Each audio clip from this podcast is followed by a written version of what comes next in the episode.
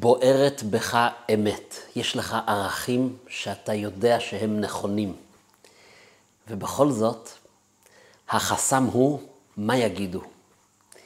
זה אחד החסמים הכי גדולים, הכי קשים. מה יגידו החברים, מה יגידו המחלקה, מה יגידו המשפחה. אני לא רוצה להיות שונה מכולם, אני לא רוצה להיות מוזר. החסם הזה הוא אחד החסמים הכי מאיימים, אבל אנחנו נראה היום שזה גם הבלוף הכי גדול שיש. זאת אומרת, זה חסם הכי קשה וגם הכי קל.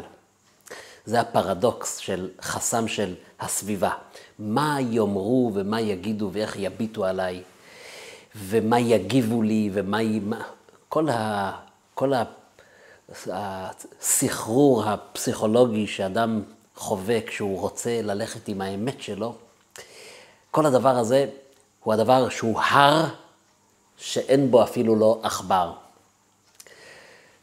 אני רוצה לדבר היום על אה, מה שמכונה בשפה של, של תורת החסידות, של תורת המקובלים, ההבדל בין עבודת הבירורים לעבודת הניסיונות. ואנחנו נגלה היום שכשאנחנו עומדים בפני אתגר, עומדים בפני מכשול, והחיים שלנו מלאים באתגרים ובמכשולים, לא צריך לספר לכם. אבל הדבר הראשון שאנחנו צריכים לדעת זה לבחון מה עומד מולנו.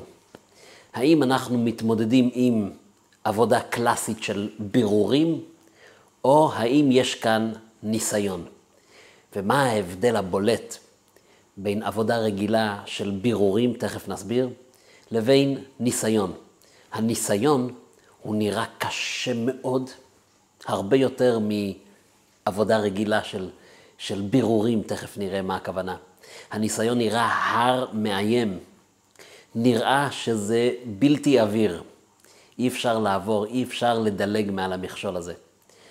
אבל ברגע שאנחנו מתגברים ומגלים כוחות ותעצומות פנימיים, ואנחנו כן לא מתחשבים במכשול הזה וכן מדלגים מעליו, הוא כמו בועה. פתאום הוא מתנפץ והיה כלא היה. ואתה מביט לאחור ואתה אומר, ממה אני כל כך נבהלתי? זה הבדל, וניקח היום כדוגמה, כדוגמה, את הנושא הזה של הפחד, מה יגידו? הפחד הסביבתי. הוא הר שאין בו כלום, בועה ש, ש, של שקר. זה נקרא עבודת הניסיונות קלאסית. אז מה ההבדל בין עבודת הבירורים לעבודת הניסיונות? מה זה בכלל עבודת הבירורים? איזשהו מין קוד אה, בין חכמי הקבלה לתפקיד ההיסטורי שהוטל עלינו, על עם ישראל. המקובלים מדברים על כך שבבריאה הקדוש ברוך הוא שתל ניצוצות קדושה. אנחנו היום לא נספר את התהליך, איך קרה הדבר, מה שנקרא שבירת הכלים, איך קרה התהליך. אנחנו רוצים לדבר על התוצאה. התוצאה היא שהעולם שלנו, כמו שיש במשחקי מחשב, שהשחקן מדלג משלב אל שלב, ובכל מקום הוא צריך לחפש היכן מסתתרים היהלומים, היכן מסתתרים הניצוצות, איפה יש את המטבעות. עם ישראל התפזר לאורך ההיסטוריה בכל מקום בעולם. הגענו לכל מקום בעולם. היהודים יותר מכל עם אחר הם בתשוקה ובחיפוש, והגיעו ממש לכל מקום בעולם. אומרים המקובלים, זה לא סתם. הסיפור של הגלויות שגלו עם ישראל, הגענו לבבל ולעיראק ולפרס, והיינו ב- ב- בספרד, ואחר כך גורשנו והיינו בטורקיה, והיינו בכל מקום. והיינו בברית המועצות, והיינו בחצי כדור הזה ובחצי כדור ההוא, ואדם הולך והוא הולך לטייל באוסטרליה, ופתאום הוא מגלה שיש שם קהילה של יהודים גדולה. הגענו לכל מקום בעולם, מיבשת אפריקה ועד לניו זילנד. המקובלים אומרים, התפקיד שלנו, התפקיד ההיסטורי, זה לחפש את ניצוצות הקדושה ולברר אותם. כלומר, להשתמש בעולם שלנו לעבודת השם, להביא ולגאול, להביא גאולה לאותם ניצוצות קדושה שחבויים בתוך העולם בכל מיני מקומות. כלומר, במילים פשוטות, כשאדם הוא מגיע והוא משתמש בתפוח שהוא מצא, בתפוח שהוא כתף או קנה, הוא אומר עליו ברכה, ואחר כך עם הכוח של התפוח הוא עושה מעשים טובים, הוא עושה מעשה של חסד, הוא הולך אחר כך והוא לומד משהו, הוא מתפלל. הוא הביא איזשהו ניצוץ שהיה כאן בגלות, שהיה כאן חבוי, הוא הביא אותו אל גאולתו, הוציא את הניצוץ מן המיצר אל המרחב. ובעבודת הבירורים יש כמובן את העבודה ההפוכה, עבודה של הפסיביות. לא מעשה אקטיבי, שאני לוקח איזשהו אובייקט ואני הופך אותו לעבודת השם, לקודש, ובזה אני גואל את הניצוץ. יש עבודת השם פסיבית, כלומר, עבודה של הימנעות. החזיר אסור עלינו באכילה. אז יש שם איזשהו ניצוץ, והניצוץ הזה מחכה שאנחנו נימנע ולא ניגע בו ולא נאכל אותו. ובזה הוא בא לגאולתו. זאת אומרת, יש ניצוצות כאלה שהם חבויים כאן רק בשביל הפיתוי, רק בשביל הניסיון, רק בשביל לאתגר אותנו. וברגע שאנחנו נמנעים מה, מהאיסור, אז הניצוץ כאילו מילא את תפקידו בעולם. הוא היה כאן רק בשביל שאנחנו נימנע ממנו. זאת אומרת, אין לנו יכולת אקטיבית להעלות את הניצוץ הזה. וכתוב בספרי הקבלה שרק לעתיד לבוא, כאשר יבוא משיח, ואת רוח הטומאה אעביר מן הארץ. זאת אומרת, העולם כולו יהפוך להיות טוב. זה יהיה היום שכל הניצוצות כולם, גם אלו שההתעסקות שלנו הם בצורה אה, פסיבית של לא תעשה, מצוות לא תעשה, גם הם יבוא יומם והמוות והטומאה תיעלם והקדושה תתגלה לכל רועיה בעולם כולו. זה עבודת הבירורים. למה זה נקרא עבודת הבירורים? כמו אדם שהוא בורר כל דבר שמגיע לו לצלחת, הוא עושה חשבון. זה עצמות, זה קליפות, את זה אסור לי לאכול, זה לא טוב לי, זה עושה לי בחילות, זה עושה לי כאבי ראש, את זה לא, את זה. זה, זה המובחר, את זה אני כן אוכל. זה נקרא בורר. כך בחיים שלנו. כשאנחנו מתעסקים עם כל דבר בעולם, אנחנו עסוקים במלאכת בורר. זו עסקה טובה, אבל השאלה היא איך אני ניגש אל העסקה הזאת. האם הכסף היום שהרווחתי, האם הוא כשר? כמה ממנו אני צריך להפריש לצדקה? כמה ממנו אני צריך לשים בקופת חיסכון לילדים שלי?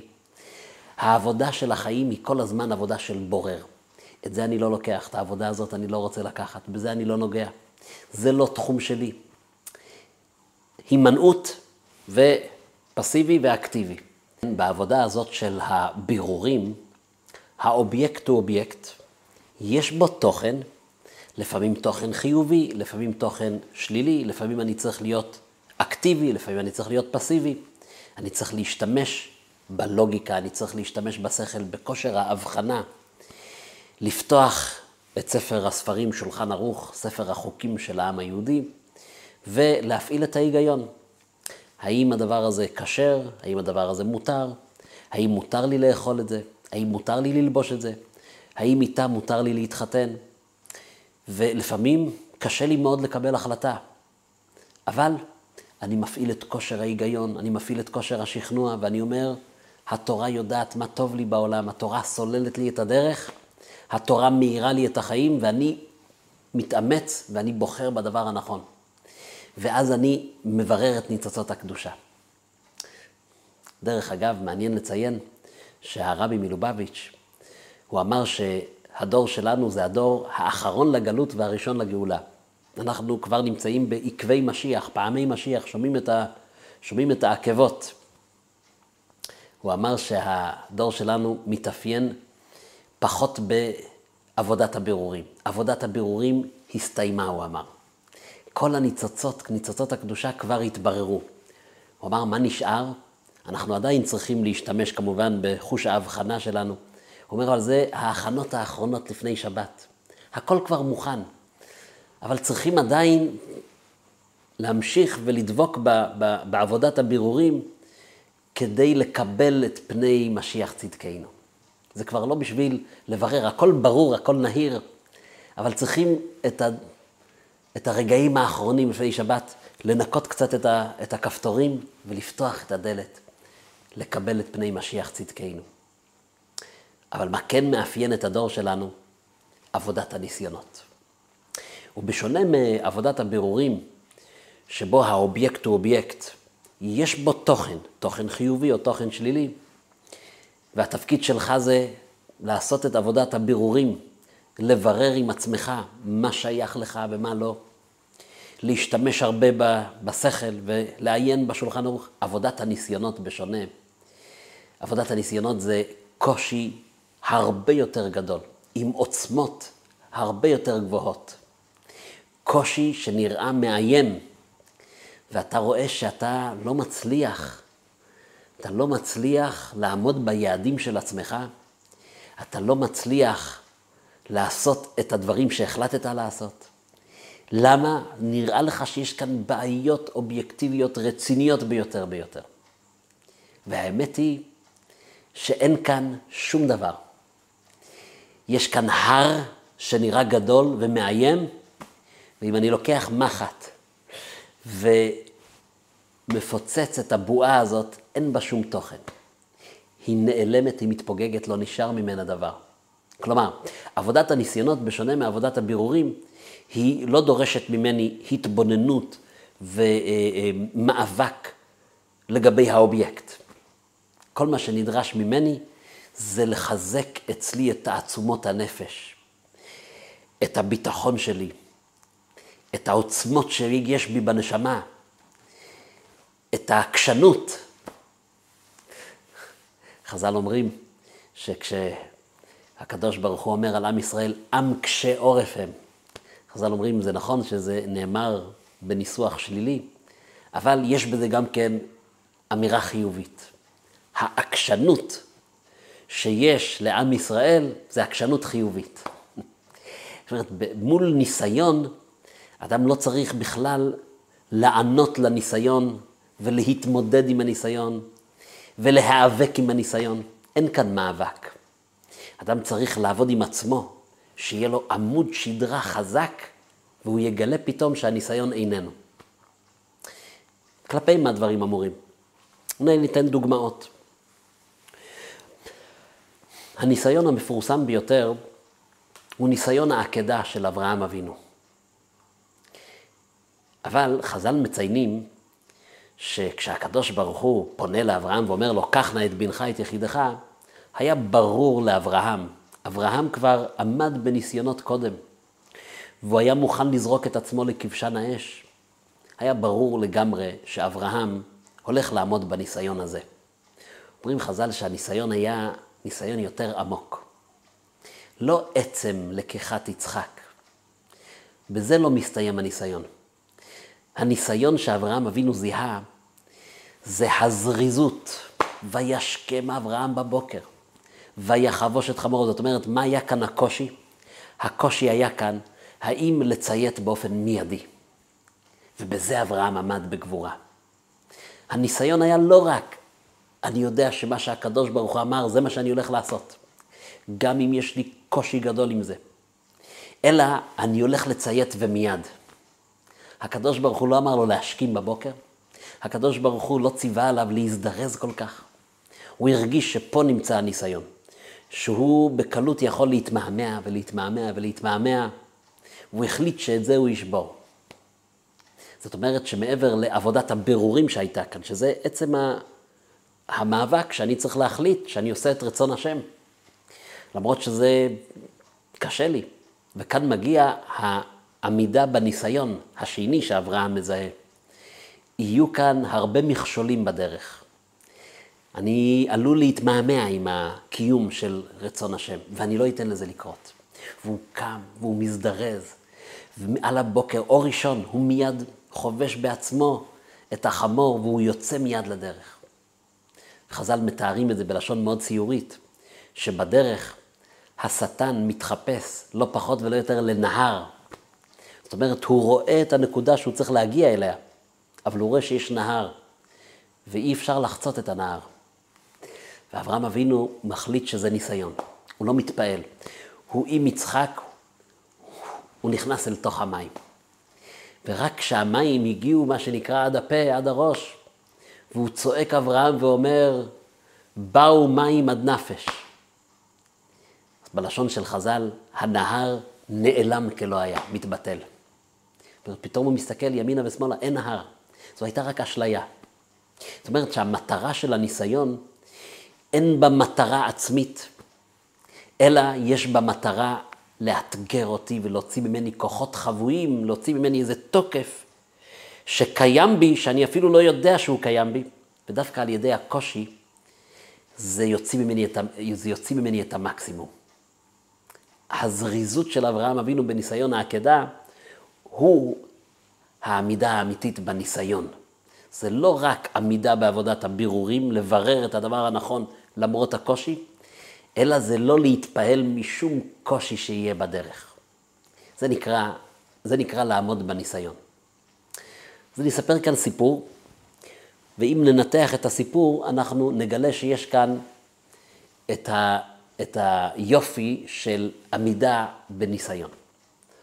הסיפור הוא על שני האחים הקדושים, רבי זושה ורבי אלימלך. רבי זושה מהניפולי ורבי אלימלך מליז'נסק היו שניהם תלמידים של המגיד ממזריץ'. זאת אומרת שאנחנו מדברים כאן על סיפור שהוא כמעט בן 300. ומסופר עליהם, על האחים הללו, שהם לקחו על עצמם לערוך גלות, לכפר על העוונות של עם ישראל, והיו צדיקים נסתרים. לא כולם הכירו אותם, לקחו מקל נדודים והיו במשך תקופה, היו הולכים ממקום למקום, איך שההשגחה העליונה תוביל אותם. והנה הגיעו לאיזו עיר שהוטל עוצר בעיר. והם בלי ידיעה מסתובבים בלילה, אחרי עשר בלילה, איזשהו שוטר רוסי רואה את שני אלה מתהלכים בלילה ובלי שאלות ובלי קושיות, הוא לוקח אותם לבית המעצר. והם מוצאים את עצמם פתאום בחדר גדול. יושבים בחברת שאר האסירים שהובאו באותו ערב לבית המעצר, רוצחים, וגנבים ו- ו- ואנשי עולם תחתון, גויים, הם מוצאים את עצמם שם. טוב, הם יודעים שההשגחה העליונה מובילה אותם, והם שם עושים את הלילה. הם רגילים תמיד, רבי זושה ורבי אלימלך, להתפלל שחרית בנץ. אור ראשון הם כבר עם תפילין, עטורים בטלית ומתפללים. שנים. וכך הם גם כן מתכוננים כאן בכלא, מתכוננים לאור ראשון. הם uh, קמו מהדרגשים שלהם עוד לפני כולם ומתחילים להתכונן לתפילה, אבל אז חשכו עיניהם. הם מגלים שבמרכז החדר יש, מחילה מכבודכם, איזשהו דלי, ששם האסירים עושים את הצרכים שלהם. כמובן שחדר שהוא מה שנקרא בית הכיסא, שירותים, הוא חדר שאסור בוודאי להניח תפילין, אבל אסור אפילו לומר כל פסוק או כל תפילה שיש בו שמות קדושים, אסור לומר בחדר שכזה. ושניהם נהיו באיזשהו דכדוך, איזושהי עצבות, כי הם קלטו מיד שהם לא יוכלו היום לקיים את המנהג שלהם מימים ימימה להתפלל באור ראשון. אז הסיפור הולך ש... עברו, עברו עליהם כמה רגעים של, של דיכאון, של, של עצבות, על ההפסד הגדול שיהיה להם היום שהם יוכלו להתפלל רק בשעה מאוחרת. ולפתע, אחד מהאחים אומר לחברו, אומר רבי אלימלך לרבי זושה, הוא אומר, אנחנו עצובים, זה לחינם. אומר לו, למה שאנחנו לא נהיה עצובים? הרי זו פעם ראשונה שאנחנו נתפלל לא בנץ. והוא אומר לו, אח שלו אומר לו בחוכמה. הוא אומר, תראה, האם יצא לך פעם לקיים את ההלכה הזאת בשולחן ערוך? הרי יש הלכה בשולחן ערוך שכשאתה נמצא בשירותים, אסור לך להתפלל. מתי יצא לך לקיים את ההלכה הזאת? הרי תמיד יכולת לצאת, לסגור את הדלת של השירותים ולהמשיך בתפילה. הנה, יש לנו כאן הזדמנות ראשונה בחיים לקיים את רצון השם במצב שאליו נקלענו. ושומע רבי זושה את דברי האח, והוא אומר, לא חשבתי על זה כך. ומרוב שמחה, הוא קם והוא מתחיל לרקוד. הוא אומר, אחי, פעם ראשונה שאני מקיים מצווה, רצון השם, שכשיש כזה דלי בחדר, אסור לומר אפילו ברכה אחת, אסור להניח תפילין. כמה כיף שזכינו היום לקיים את ההלכה הזאת. והוא מתחיל למחוא כפיים, והוא מתחיל לשיר, והאח שלו גם כן נסחף אחריו, והם שמים יד על כתף, ומתחילים לרקוד.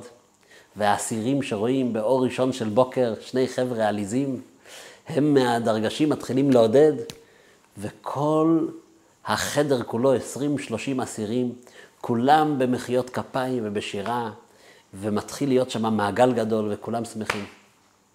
הסוהר מציץ מה, מהחריך, מה, מה, מהסורג של הדלת, והוא רואה את המהומה הזאת. בקושי התחיל היום, וכבר כל האסירים במחיאות כפיים ושמחים. אז הוא פותח את הדלת בזעם, והכל נעצר, כל השירה וכל ה... והוא שואל אותם על מה השמחה. הם כולם אומרים, אנחנו לא יודעים, מצביעים על מרכז המעגל, שני החסידים, בגללם אנחנו שמחים. אז הוא פונה אליהם, הוא אומר להם, על מה השמחה? והם ביחד מצביעים על הדלי. אומרים, אנחנו שמחים בגלל זה. ואותו הסוהר הרוסי אומר, ככה?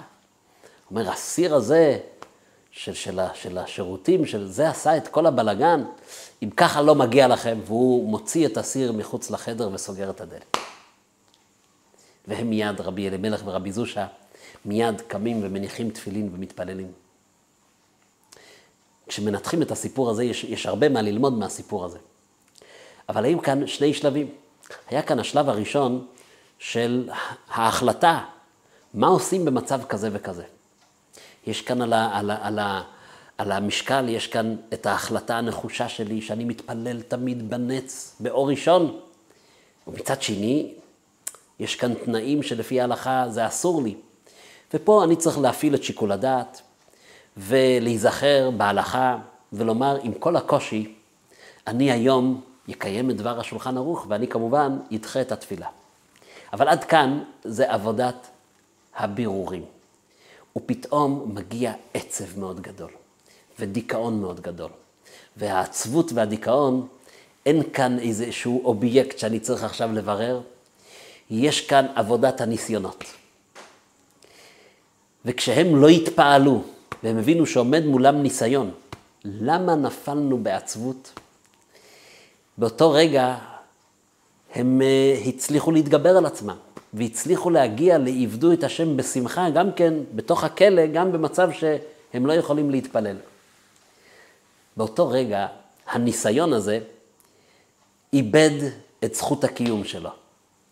אז כל הסיטואציה שהייתה ניסיון, נעלמה בן רגע, והוא שלף את הסיר, והנה הכל הוכח כניסיון, הם יכולים להמשיך את שגרת יומם. הדבר הזה הוא מלמד אותנו משהו לחיים. ואני אספר סיפור על מי שלימד את המסר הגדול הזה של עבודת הניסיונות, הלא הוא רבי יוסף יצחק הרייץ. רבי יוסף יצחק מלובביץ' הרייץ היה חמיב של, של הרבי שלנו, של הרבי מלובביץ', והוא חווה על בשרו את התקופה הקשה של יהודי רוסיה אחרי המהפכה של הצאר ובזמן עליית הקומוניזם, ברית המועצות שהפכה להיות סובייטית, והאויב מספר אחד של המפלגה הקומוניסטית זה הדת, כל הדתות ובפרט הדת היהודית. והוא, רבי יוסף יצחק, נמצא שם בשנים הראשונות של המהפכה הזאת, והוא הבין, הרבי הרייץ, הוא הבין שהיהדות של רוסיה, מיליונים של יהודים, רוב יהודי העולם חיו בברית המועצות. היהדות של מיליונים של יהודים בסכנה גדולה. והוא קם והוא החליט החלטה נחושה. הוא אמר, אני הולך להתנהג עם כל המפלצת הגדולה הזאת, שנקראת השלטון הקומוניסטי, כאילו זה בועה, כאילו זה שום דבר. ואני ימשיך להתנהג כרגיל. מה הייתה ההחלטה של הרבי הרייץ? שבכל עיר ובכל מחוז ימשיכו להיות חיים יהודיים, הגם שזה יהיה בסתר, אבל יהיה מישהו שהוא יהיה מוהל, ויהיה שוחט, ויהיה מקווה טהרה, ויהיה מקום שהילדים יוכלו ללמוד חיידר, ילמדו א' ב', וילמדו חומש. להחזיק את היהדות גם בתנאים שבהם זה היה סכנת חיים ממש. והרבי הרייץ מגייס את החסידים שלו למשימה, ובכל מקום שתופסים מישהו שהוא אויב העם, כי הוא נתפס על זה שהוא שוחט והוא מוהל, ומי שמלמד ילדים, ושלחו אותו לסיביר, הרבי הרייץ, רבי יוסף יצחק, שולח מישהו במקומו. תקופה של עמידה איתנה של מסירות נפש. ובאמת, אחרי 70 שנות קומוניזם, כולם יודעים להעיד שהרבי הרייץ, המפעל הענק שלו, שהמשיך אותו אחר כך כמובן הרבי מלובביץ' מניו יורק, היה מכיר את כל, את כל המחתרת של היהדות שם בברית המועצות ושולח ועוזר ומכוון. המערכה הזאת היא זו שהצליחה להחזיק קצת, כמו גחלים עוממות, את כל היהדות של רוסיה. בכל מקום, בכל עיר, כשבאו אחרי נפילת מסך הברזל השליחים של חב"ד, הם גילו גחלים עוממות. עדיין היה, עדיין היה רושם של היהדות. והיהדות קמה וקמה לתחייה במהירות עצומה בזכות הפעולה הזאת שהיה, היה, בכל מקום היה מקווה, היה שוחט, היה מוהל, היו חדרים, היו ילדים, למדו בסתר. אז הרייץ, הוא התייחס לכל הדבר הזה כניסיון. הוא אמר, זה בועה, אני לא מתייחס לדבר הזה. ובאמת, אחרי שהבינו הרוסים שהוא המנוע שמפעיל את כל המערכה הזאת, הכינו עליו תיק מספיק עבה, ויום אחד תפסו אותו. תפסו אותו לחקירה, והוא כתב על זה יומן. הוא אומר, אני החלטתי שאני לא מתייחס, אני לא מתפעל מהם. ולקחו אותו לבית הכלא של האסירים הבוגדים, שכולם ידעו שמי שנכנס בשערי בית הכלא הזה בלנינגרד, זה one way, נכנסים ולא יוצאים משם. הוא מספר שביום הראשון שהוא ישב שם בחקירות, החוקר התפאר ואמר לו, אתמול בלילה במרתף ירו ב-140 אסירים. זו הייתה תקופה חשוכה וקשה מאוד. והוא הרייץ בעצמו, רבי יוסף יצחק, ראה על התיק שלו שהגזר דין זה גזר דין מוות. וכבר כמעט וכמעט, והוא הגיע לאותו מרתף. והנה התחילו לחצים מהעולם, והרבי הרייץ, בתוך הכלא הוא מספר, הוא מדבר עם החוקרים שלו שהיו יהודים, מדבר איתם ביידיש, ולא מתפעל. ובניגוד בניגוד לכל מה שהכירו ברוסיה, אסיר שנכנס לשם לא יצא בחיים. המירו את עונש המוות שלו בהתחלה לגלות, היה צריך לנסוע לקסטרמה, ומאוחר יותר הוציאו אותו לחירות, והוא היה צריך לעזוב את רוסיה. התאריך י"ב בתמוז היה תאריך שהפיח תקווה בכל, בכל החסידים, בכל, בכל יהודי רוסיה. הרבי, שהוא מנהל את כל המחתרת הזאת, הוא מנצח את השלטון הסובייטי. הוא יוצא לחירות, שזה נגד הטבע, זה נגד ההיגיון. קיבלו כל כך הרבה עידוד מכך, והרבי מאוחר יותר כותב את מאמר חסידות על הניסיונות, והוא שולח את זה לרוסיה, והוא אומר להם, תלמדו את המאמר הזה, ודעו לכם, שלפעמים צריכים לעורר כזה כוח ותוקף בנפש, והניסיון ייעלם כלא היה. אבל בפורמט שלנו, אנחנו ברוך השם חיים היום בתקופה שאין ניסיונות מהסוג שיהודים חוו שם ברוסיה. אבל הניסיונות שלנו הם אותם הניסיונות שדיברתי בתחילת השיעור שלנו. הרבה מאוד ניסיונות שהם בעצם בועה נפוחה, אין בה כלום. אדם רוצה לעמוד במצפן הפנימי שלו, הוא רוצה לעשות דברים שהוא מאמין בהם, ופתאום נערמים קשיים עצומים שאין בהם ממש. אדם רוצה להתחיל לשמור שבת, לסגור את החנות בשבת. אז יש כאן את החלק הרציונלי. קשה, אבל כך כתוב, אני יודע שמה שהתורה אומרת זה חשוב, זה טוב לי, זה, זה, זה האמת. כל זה שייך לעבודת הבירורים. ואז מגיע הקושי. איך אני יכול כאן, בסביבה שכולם פותחים בשבת, אם זה באירופה, אם זה באמריקה, איך אני, איך אני אהיה מסוגל לעשות את ה... זה, זה משהו שאי אפשר לעשות אותו. כן, לפעמים הילד חוזר הביתה ואומר, כל הכיתה הולכים למסיבה. אם אני, אני לא יכול להיות נגד כל הכיתה. זו טענה שהיא נשמעת מאוד רצינית. כאן צריך לא להתמודד בשכל ובהיגיון, כאן צריך תוקף ועמוד שדרה. בני, אתה לא הולך, כי אצלנו במשפחה אנחנו שונים. זה לא טוב לך, ואנחנו אף פעם לא הולכים לכאלה דברים בגיל, בגיל שלך, לא בא בחשבון, ירד מהפרק. עמוד שדרה, דע לך שאתה שונה מכולם, כן. לפעמים כן, כך צריכה להיות התשובה. וזהו. ופתאום מתברר ש... שכן, שאפשר להיות נגד, נגד הזרם ולא קרה שום דבר, ואפשר לסגור בשבת. הקושי המאיים שנראה הוא-הא, הוא-הא, אם אנחנו מגלים את התוקף בנפש, הוא איננו. כך זה גם כן הקליפה הזאת של מה יגידו, מה יאמרו עליי, איך יסתכלו עליי. זה אחת הקליפות של ניסיון שאין בו, בו אמת. כי הפוך, כי אנשים מעריכים מאוד מישהו שיש לו עמוד שדרה, מישהו שמוכן להביע את האמת שלו ולומר אותה בקול רם וצלול. דווקא מעריכים אותו יותר. וכל הפחד של מי ומה ומה, הוא מתברר כבועה נפוחה, כניסיון, אין בו שום ממשות. לכן, כשהרבי התחיל את המבצעים, מבצע תפילין, ולעשות טנק המבצעים, וחנוכיה שתהיה בראש, בכיכר כל עיר, במקום הכי מרכזי, מנורה גדולה. היו כאלה שהתייחסו ואמרו, רבי, זה בלתי אפשרי, אתה מדבר שפה, אנחנו נמצאים בדור שזה... תשמור את היהדות בתוך הבית, מאחורי התריס.